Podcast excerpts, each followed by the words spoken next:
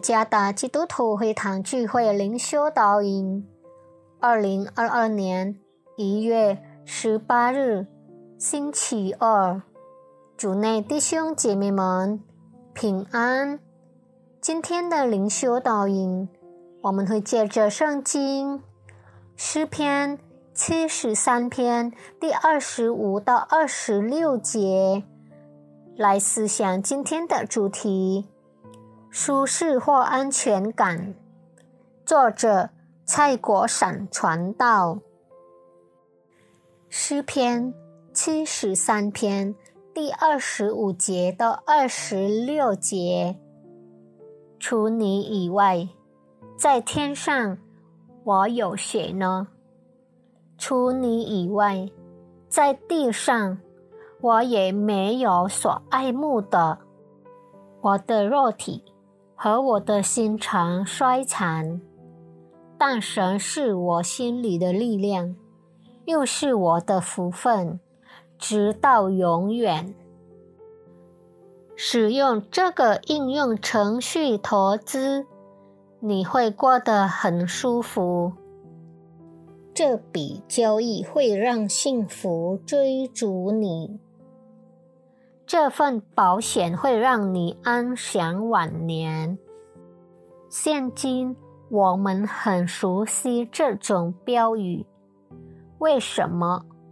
因为大多数人以追求生活的舒适为主要观点，甚至追求舒适的方式也可能被扭曲成欺诈性。投资、保险欺诈、炒股票、虚假交易机器人，以及一群崇尚舒适和自律的人所犯下和经历的许多其他骗局，在今天的灵修经文中，亚萨明白了一个非凡的真理。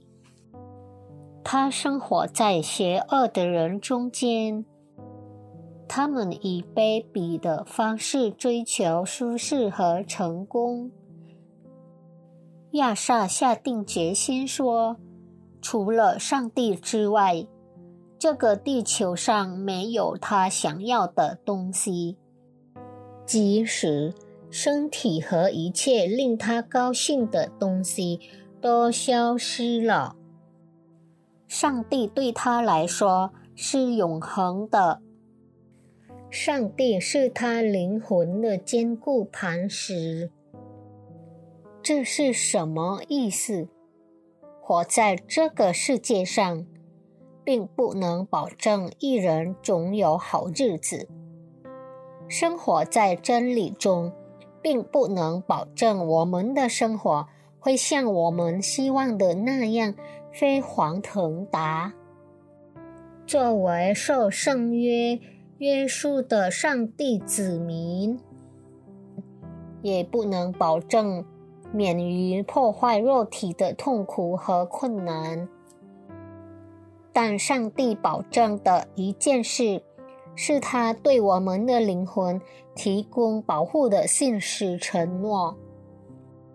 以致安全到达目的地。主保证并引导我们直到最后。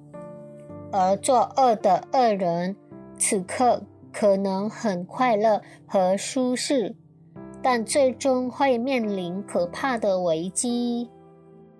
世界的恐惧对很多人来说真的很动荡不安。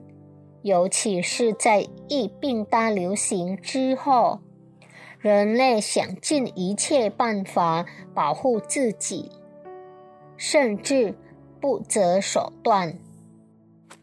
但是，那些生活在上帝里面的人有一个不变的平安之源，他的盟约应许永远不会改变，最终。上帝的带领会带领我们到一个安全的地方。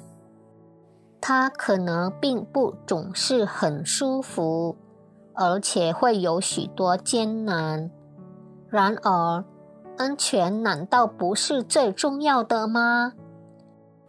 舒适但最终不安全有何意呢？